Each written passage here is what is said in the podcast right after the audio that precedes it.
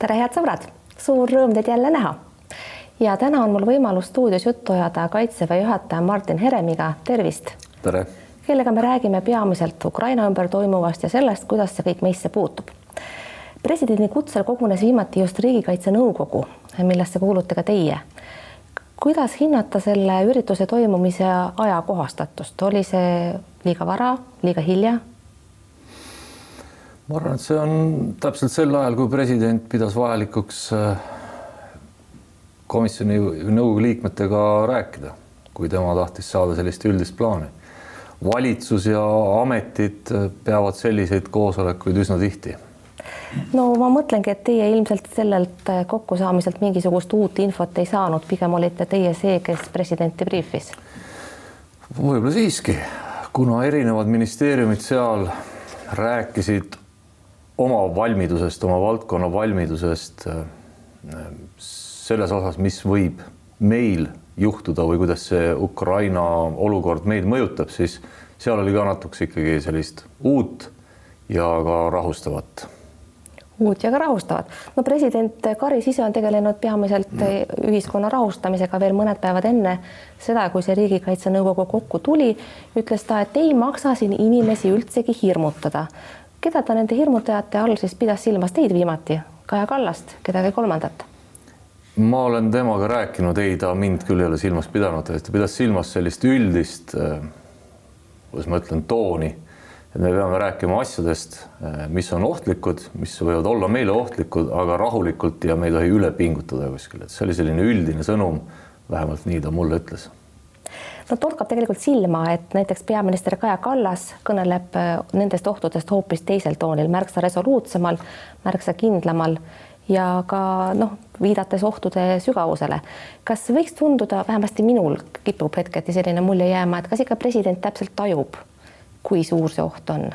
see on väga keeruline küsimus mulle, ma olen kindel, et tajub. Nendel on erinevad ülesanded ka, aga ma ei pea õigeks seda küll rohkem kommenteerida. hästi samas, kas võib olla, et me tõesti kõnelemegi sõjast ja selle lähenemisest liiga palju, et tihtilugu on ju niimoodi, et kui millestki liiga palju kõnelda, siis kutsume endale ise viimati seda õnnetust ligi. mina ei ole ebausklik. ma pean õigeks, et me räägime nendest asjadest, mis võivad meiega juhtuda või mis meid ähvardavad selleks, et paremini valmis olla ja mitte me ei filosofeerija, me ei unista või me ei mõtle, mis kõik võib juhtuda, vaid me peame mõtlema, mis me siis teeme, kui see sünnib. ja selles osas eh, eilne nõukogu minu meelest oligi rahustav, et et meil on ikkagi olemas arusaam, mis me siis peame tegema, kui Ukraina konflikti mõjud meieni kanduvad. et selline üldine arusaam, noh, millega me peame tegelema, mitte et meil tingimata alati lahendused oleks aga arusaam, millega me tegelema peame, see on olemas riigis. kas me võiksime hästi lühidalt ja kokkuvõtlikult meie vaatajate tarvis kokku võtta, et milleks me siis täpselt peame valmis olema? näiteks ilmselt selleks, et ukrainlased hakkavad sõja eest siia tulema, kas selleks, et meid rünnatakse sõjaliselt, kas meid rünnatakse küberriigis, kas äh, võib-olla migratsioonivood suunatud migratsioonivood on see oht, mis, mis, mis on täpsemalt see, milleks me valmis peame olema? Kõigepealt sõda Ukrainas käib, kas see sõda nüüd eskaleerub suuremaks, ägedamaks konfliktiks või mitte, seda me täpselt ei tea. see, mis lääne ühiskonna vastu praegu toimub, võib-olla natukese üle pingutades, aga siiski me võime nimetada seda hübriidsõjaks. konventsionaalsete relvajõududega ähvardamine, noh, see toimub. see on toimunud varem, praegult on see lihtsalt aktuaalsem, näidatakse oma võimu ümber Ukraina sada kaheksakümmend kraadi see on kindlasti hübriidsõja üks element. järgmiseks on majandus. täna noh, Ukraina majandus, aga ka paljud teised tõenäoliselt kannatavad selle all, mis toimub, noh, aktsiaturud hüppavad üles-alla ja kõik muu selline. põgenikud kahtlemata, see kõik on võimalik, sest et inimesed põgenevad oma kodust, kui nad tunnevad ohtu või kui see oht neil käes on ja me peame selleks valmis olema. lisaks sellele Venemaa võib kasutada oma positsiooni tugevdamiseks ja lääne ühiskonna lõhestamiseks veel teisi meetodeid. noh, võib ju meile ekstra saata siia nii-öelda põgenikke, nagu Valgevene on saatnud migrante Poola, Leetu ja Lätti. majandus, noh, mitmest küljest on võimalik, kaubavahetus. me teame, et kaks tuhat neliteist, kui oli kui Ukraina sõda algas ja lääneriigid oma poolehoidu näitasid, siis nad said kõik tunda mingil määral majanduses, kaubanduses teatud tagasilööke. sealt tekkisid ju meie piirijärjekorrad autokaubanduses ja kõik muu selline. küber ja infooperatsioonid, see on kogu aeg olnud. ma pean tõenäoliseks, et, et need võivad intensiivistuda näiteks kui suureks hindate tõenäosust, et Putinil tekib ikkagi kiusatus proovile panna NATO artikkel viis? ma ei usu seda tänasel hetkel, et see juhtuks. ma arvan, täna selle aasta numbri sees on see vähetõenäoline. Ja selle Ukraina konflikti üks suuremaid mõjusid meile ongi see, et kui Venemaa naudib seal edu, isegi kui konflikt ei eskaleeru suuremaks, kui see täna on, aga ta on siiski edukas siis see väljendub ähm, peamiselt neljal erineval moel. kõigepealt Venemaa saab julgust, et ta võib lääne ühiskonnaga mängida ja katsetada. teiseks riikide ja riikide sees ka poliitiline ühtsus laguneb, noh, kas siis erakondade vahel riikides või riikidel omavahel. ühiskonnad, nende tugevus ja nende ühine arusaam, see laguneb, noh, me näeme seda täna siin ka Eestis, kus on ikkagi väga erinevaid arusaamu Venemaa tegevusest ja lääne ühiskonna tegevusest ja lõpuks siis on needsamad hübriidsõja elementide tekkimise või, või juhtumise tõenäosus ka meie suunal. nii et noh, peamiselt sellega selline sõjaline oht suureneb ja ma ütlen, et kui on edu nendes lõikudes, siis mõne aasta jooksul võidakse artikkel viite ka mingil moel proovile panna. ikkagi võidakse millega selgitada seda, et ukrainlased ise kuigivõrd selle konflikti eskaleerumist ei usu, no ma saan aru, neil on, sõda käib juba ju teatud piirkondades ligemale kaheksa aastat. et selles mõttes, kui meie siin räägime sõja alustamisest, siis me, siis me nende seisukohalt räägime eksitavalt, aga ikkagi nad ei usu, et nüüd kohe midagi juhtub, miks? No siin tuleks teha võib-olla ka mingi sotsiaalpsühholoogiline analüüs. Ukraina majanduslikult ju praegu ka on kehvas seisus kes tahab sinna riiki investeerida, kui kohe algab sõda. ja kindlasti sellist fooni tahetakse ka maas hoida. teiseks, küllap ukrainlased peavad ennast, kuidas ma ütlen, üsna heas olukorras olevaks selles suhtes, et nad hakkavad vastu ja nad ei usu, et Venemaa seda proovida tahaks.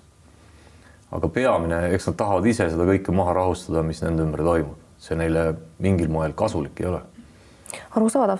meie siin oleme väga tähelepanelikult jälginud, mida ütleb Joe Biden ja ta on ütelnud päris imelikke asju. hiljaaegu ta küll lubas, et, et vägesid tuuakse juurde kolm tuhat sõjaväelast Poolasse, Saksamaale ja Rumeeniasse, kuid on lubatud ka Eestisse, aga ma saan aru, Eesti kohta täpsed andmed veel puuduvad. Kuidas sellega siis on, kas, kas tuleb siia veel uusi sõjaväelisi jõude või ei tule? no kõigepealt tuleb meeles pidada, et poliitikud ja riigijuhivad, juhid ütlevad erinevaid asju erinevates keeltes, erinevates äh, kontekstides ja neid tõlgendatakse noh, igate moodi.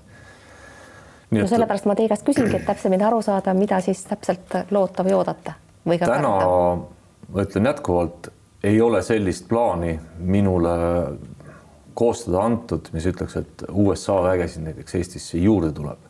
meil tuleb järgmise poole aasta jooksul õppuseid, mis olid kavas juba eelmisel aastal selle raames tuleb siia britte, prantslasi, poolakaid, ameeriklasi sadades või isegi tuhandetes. aga see kõik on olnud planeeritud.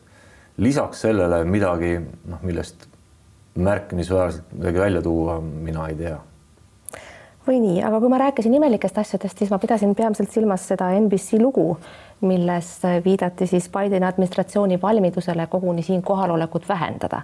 jah, see lükati hiljem ümber. jah, see tunnistati valeinfoks, kuid pärast seda eh, viitas Biden veel ükskord ka seda, et väikese sissetungi korral ei ole Venemaal karta kõiki neid tagajärgi, millega lääs on teda siis eh, ähvardanud mida me peaksime sellest järeldama, kui, kui kindlad me saame olla, et Biden ei rääkinud välja midagi säärast, mida ameeriklased päriselt mõtlevadki, ei olnudki mingi keelevääratus ega valeinfo? ma ütlen ausalt, ma ei ole sellest aru saanud. see, mis see väike sissetung on, täna ta on väikselt sees. noh, tegelikult ruutkilomeetrites päris palju. väike sissetung minule sõjaväelasena võib tähendada seda, kui Venemaa peaks ründama Ukrainat põhjast, idast ja lõunast korraga, noh, mis on ikkagi sadu kilomeetreid laial rindelõigul nii-öelda. aga kui ta liigub edasi ainult mõnikümmend kilomeetrit, siis see minu jaoks ka veel väike sissetung. et see selles pildis seal ei olekski väga suur. mida mõtles USA president, ma ei ole täpselt aru saanud. kas teid see murelikuks ei tee?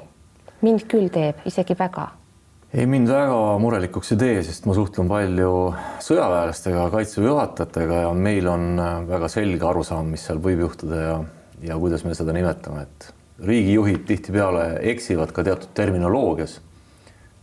minu teada Briti kaitseminister vist äh, rääkis Balti riikide toetamisest üle Musta mere ja noh, see oli mingi sõnavääratus lihtsalt. selliseid asju juhtub ja pärast seda tagasi võtta on noh, ülikeeruline, sest et kõik hakkavad seda eksimust ekspluateerima aga ikkagi Hispaania ajaleht El Pai on avaldanud dokumendid, et USA on lubanud Venemaale ka arutada võimalikke desarmeerimise meetmeid juhul, kui Venemaa leevendab pingeid Ukraina lähedal. ja nendes samades dokumentides on juttu ka sellest, et ollakse valmis alustama kahepoolseid kõnelusi Venemaaga lühi- ja keskmaa rakettide juhtimise asjus. mis järeldused peaks säärasest infost tegema?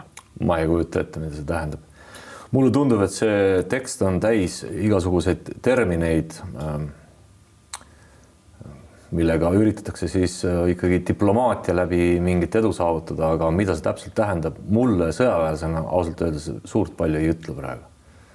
Te olete alati rõhutanud, et Balti riigid peavad omavahel koostööd tegema ja Poolaga ka. kuivõrd on see koostöö viimasel ajal paranenud seoses käimasolevate kriisidega? siitpoolt vaadates suurepärane. Leedul ja Poolal on olnud probleemid ja me oleme osutanud abi kohe me oleme üsna ühisel meelel selles osas, kuidas tuleb toetada Ukrainat eh, ja kuidas sellesse kriisi suhtuda. ma arvan niimoodi, et eh, kolm Balti riiki eriti, aga tõenäoliselt ka Poola ühiskondade, riigi ja kaitseväena on nii palju arenenud, et viimasel aastal on ühised arusaamad ja, ja mitte ainult ühised arusaamad, vaid ka võib-olla loobumine oma väga kitsast spetsialisti poolt pakutud huvist on olnud kergem, et teha ühiseid otsuseid. noh, selle näiteks on näiteks mitmikraketiheitjate hankimine koos kolme Balti riigiga ja mõned asjad veel. minu meelest on see kõik paranenud. ja ma arvan, et need Eesti toetusavaldused üksuste saatmisena Leetu ja Poola kindla peale on seda kõike kasvatanud mida arvata Eesti suursaadiku Ukrainas Kaimo Kuuse seisukohast, et äh, pauk võib olla hoopis suurõppus Valgevenes, kus Vene, Venemaal võib tekkida kiusatus väed sinna sisse jättagi, mis oleks siis otse vastu Poola ja Leedu piiri? see võib täitsa nii olla. me näeme, et täna vägesid Valgevenesse on viidud ja me ei oska öelda, kas nad sealt ka kunagi ära lähevad. mis omakorda tähendab seda, et Venemaa on tegelikult liikunud lääne piiridele lähemale. see, milles ta süüdistab NATO-t või USA-d, seda teeks ta nüüd ise. kui ta sinna midagi alaliselt jätab. ma vahel mõtlen, et äh, kui kaitseväe valmidus on suurepärane ja me toetame ukrainlasi ja noh, oleme valmis nendeks ohtudeks, mis mis võivad meid ähvardada sellel, sellel juhul, kui Ukrainas asjad eskaleeruvad siis vahel ma mõtlen selle peale, et aga tegelikult on ju Venemaa võimuses äh, meil nii-öelda elekter välja tõmmata, gaasitarnetega ta meid juba pitsitab. ehk äh, missugust kasu on meil kogu sellist sõjalisest valmisolekust juhul, kui äh, noh, tuleb totaalne blackout? Ma ei tea, kui tõenäoline on totaalne blackout, eile me kuulsime neid hinnanguid meie energiavarustatusele ja noh, totaalsest blackout'ist eh, juttu ei olnud kui võimalikust. võib tekkida väga tõsiseid häireid ja sellega tegeletakse, see oli see, mida ma ennem ka mainisin, et sellistest märkimisväärsetest häiretest räägitakse, aga seal on olemas kas oma lahendused või vähemalt me teame, kui midagi noh, kehvemaks läheb, siis me oskame selleks omakorda valmistuda no teine asi on ikkagi kõik need küberteemad, tänapäeva sõda ei pruugi tingimata pidada nii-öelda raskete relvadega, vaid Eesti e-riik on ju meie, see on meie elu igapäevane osa. et äh, kui õnnestuks tõmmata maha e-riik, siis ei oleks tarvis relvi täristadagi jällegi teoreetiliselt muidugi, me võime sellest rääkida, aga kõik need küberrünnakud, noh, mis kahtlemata on ohtlikud, aga peamiselt äh, võib-olla hoopis tüütud. Kui me räägime oma ID-kaardi kriisist, siis see kriis ei kestnud vist kuut aegagi, see oli oht ID-kaardi turvalisusele, mis lahendati ära. me räägime paljudest teistest küberrünnakutest, siis noh, tegelikult tuleks vaadata, et kui palju kahju see siis tekitas või kui palju tüli sellest oli. kübervõimega ma ei tea, et mõnda riiki oleks äh, okupeeritud või, või purustatud kuidagimoodi. et niisamuti ka noh, see, mida me näeme täna Ukrainas, et see kahtlemata häirib juhtimist, see tekitab sellist psühholoogilist pinget. aga noh, see ei ole kõikvõimas. ta on lihtsalt üks osa kogu sellest hübriidsõjast tahaks natukene rääkida eurooplastest, et Euroopa Liidu ühtsus on ju ka teatavasti murenenud ja igaüks kisub eri suunas ja sellise energiasõltuvuse ohtlikkuse teadvustamine on eriti halvasti välja tulnud minu meelest Saksamaal. mida, mida hakata peale nende Euroopa riikide juhtidega, kes ei taha mõista, et, et see on päriselt ka ohtlik neile endile me läheme nüüd aina kaugemale minu erialast, mis on äh, sõjaline ekspertiis. ma arvan, et me oleme täna ikkagi üsna ühtsed. See, et me arutame ka avalikult erinevaid tegevusvariante ja, ja tajume ohtu erinevalt, minu arvates see on normaalne. Need ühised deklaratsioonid on tulnud siiski suhteliselt kiiresti ja need on olnud kõik ühise hinnanguga et Venemaa on agressor ja agressiivne ja käitub valesti? no ei tea, sakslased ei luba meil isegi neid haubitsaid saata. see on ikkagi, mis asi see on? kui päris aus olla, siis päris ametlikku otsust äh, ei ole, kas nad lubavad või ei luba. meil ei olegi sellist paberit olemas, et nad ikkagi arutavad seda. no praegune võimukoalitsioon on tegelikult võtnud seisukoha, ma ei tea, kui ametlik see on, et, et sellist luba me ei saa see on nende otsus no,, aga see ei ole mitte ühekordne otsus, mis äh, ei puuduta neid haubitsaid ja seda Ukrainat, vaid see on selline ajalooline hoiak. küll aga ma julgen öelda, et äh, noh, selliseid riike oleks olnud võib-olla veel rohkem, kes oleks lihtsalt vaikselt olnud ja mitte midagi andnud, kui mõni riik poleks näidanud initsiatiivi eelmise aasta detsembris, mis peale täna on ikkagi nende tõsiselt toetajate hulk palju suurem Saksamaad noh, natukese ikkagi mitte õigustades, aga välja tuues, Saksamaa kulutab järgmistel aastatel suurusjärgus nelikümmend miljonit, et osta Eesti ettevõttelt välihaiglaid ja anda need Ukrainale. Ja sellel no nüüd kohe vist antakse üle esimene välihaigla. Hästi, ma pean veel rääkima pisut poliitikutest, sest poliitikud on need, kes sõda alustavad, mitte sõjaväelased, sõjaväelased seda peavad. aga veel, veel üks ainukene viide siis ka prantslastele, mida te arvate Macroni lõputust valmidusest pidada venelastega läbirääkimisi ja siis ka juba iseenesest ammugi välja öeldud mõttest, et eurooplastel peaks olema iseseisev kaitsevõime, tõsi, nüüd Euroopa sõjaväest ta viimasel ajal nii palju ei räägi, aga, aga venelastega läbi rääkida tahab kangesti noh, kui see tundub kellelegi äärmusena, siis me võime rääkida tõsisest äärmusest, et mis oleks siis, kui Macron ütleks, et ründame Venemaad. see kohe ju ei oleks hea. no aga ta ütles ka näiteks mõnda aega tagasi, et NATO on ajusurmas ja puhas ja puha. Noh, see on jällegi väljendusviis. Mm, ta andis oma hinnangu, mis põhines noh, mingitel negatiivsetel aspektidel, noh, ei ole ajusurmas aga et ennast nähtavaks teha, siis inimesed kasutavad tihtipeale selliseid reljeefseid väljendeid. minu arvates ka diplomaadid, poliitikud ja riigipead peavadki praegu rääkima Venemaaga ja noh, see ongi nende ülesanne. ja sõjavägi on lihtsalt taustal valmis selleks, kui asjad lähevad hullemaks.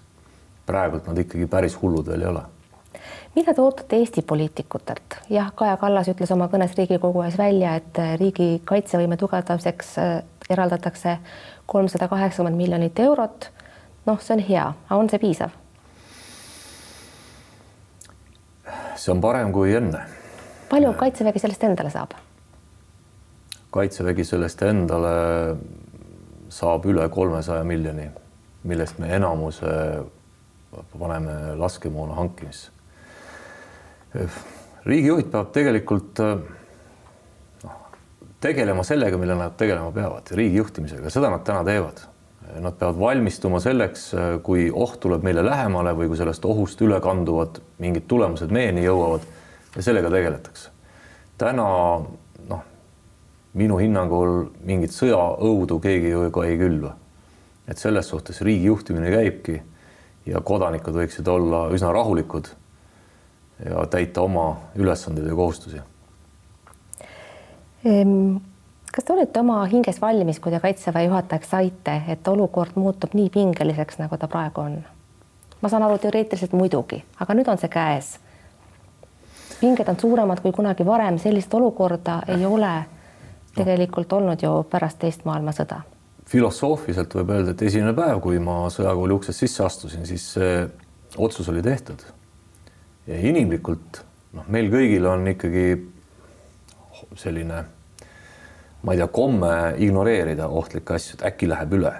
noh, äkki see hammas rohkem ei valuta ja kõik muud sellised asjad. inimlikult on ka minu jaoks väga paljud asjad üllatavad ja ebameeldivad eh, aru saada. aga mind rahustab maha see, kui ma mõtlen oma ameti peale, et miks ma selle ameti üleüldse on valinud, siis ma olen täna õiges kohas. Loodetavasti saan hakkama ka Te viitasite eespool, et te peate võimalikuks, et Venemaa siiski suurelt praegu ei ründa uuesti Ukrainat, ma ei pea silmas seda, et et, et, et, et Luganskis ja seal mujal võiksid konfliktid eskaleeruda, aga et need väed, mis piiril on kogunenud, ei ründa Ukrainat. kas ma sain õigesti aru, et, et, et te ei tea või ei pea tõenäoliseks, on siis võimalik, et see, mida me kõik kardame, ei juhtu? jah, kõigepealt võib-olla peaks seda korrektselt nimetada eskaleerimiseks et see konflikt seal on. me tõepoolest ei tea. no ma pean silmas neid piiri taha kogunenud vägesid, eks ole. meil on üsna hea ülevaade sellest, milline on sõjaline võime piiride taga. see võimaldaks täna konflikti eskaleerimise niimoodi väga laial rindel äh, relvastatud konflikti läbiviimisel. sellega on kõik okei okay poliitiline diplomaatiline retoorika Venemaa poolt on süüdistav ehk siis tegelikult äh, põhjuseid selgitav, et see on selline ettevalmistust, jällegi on paigas.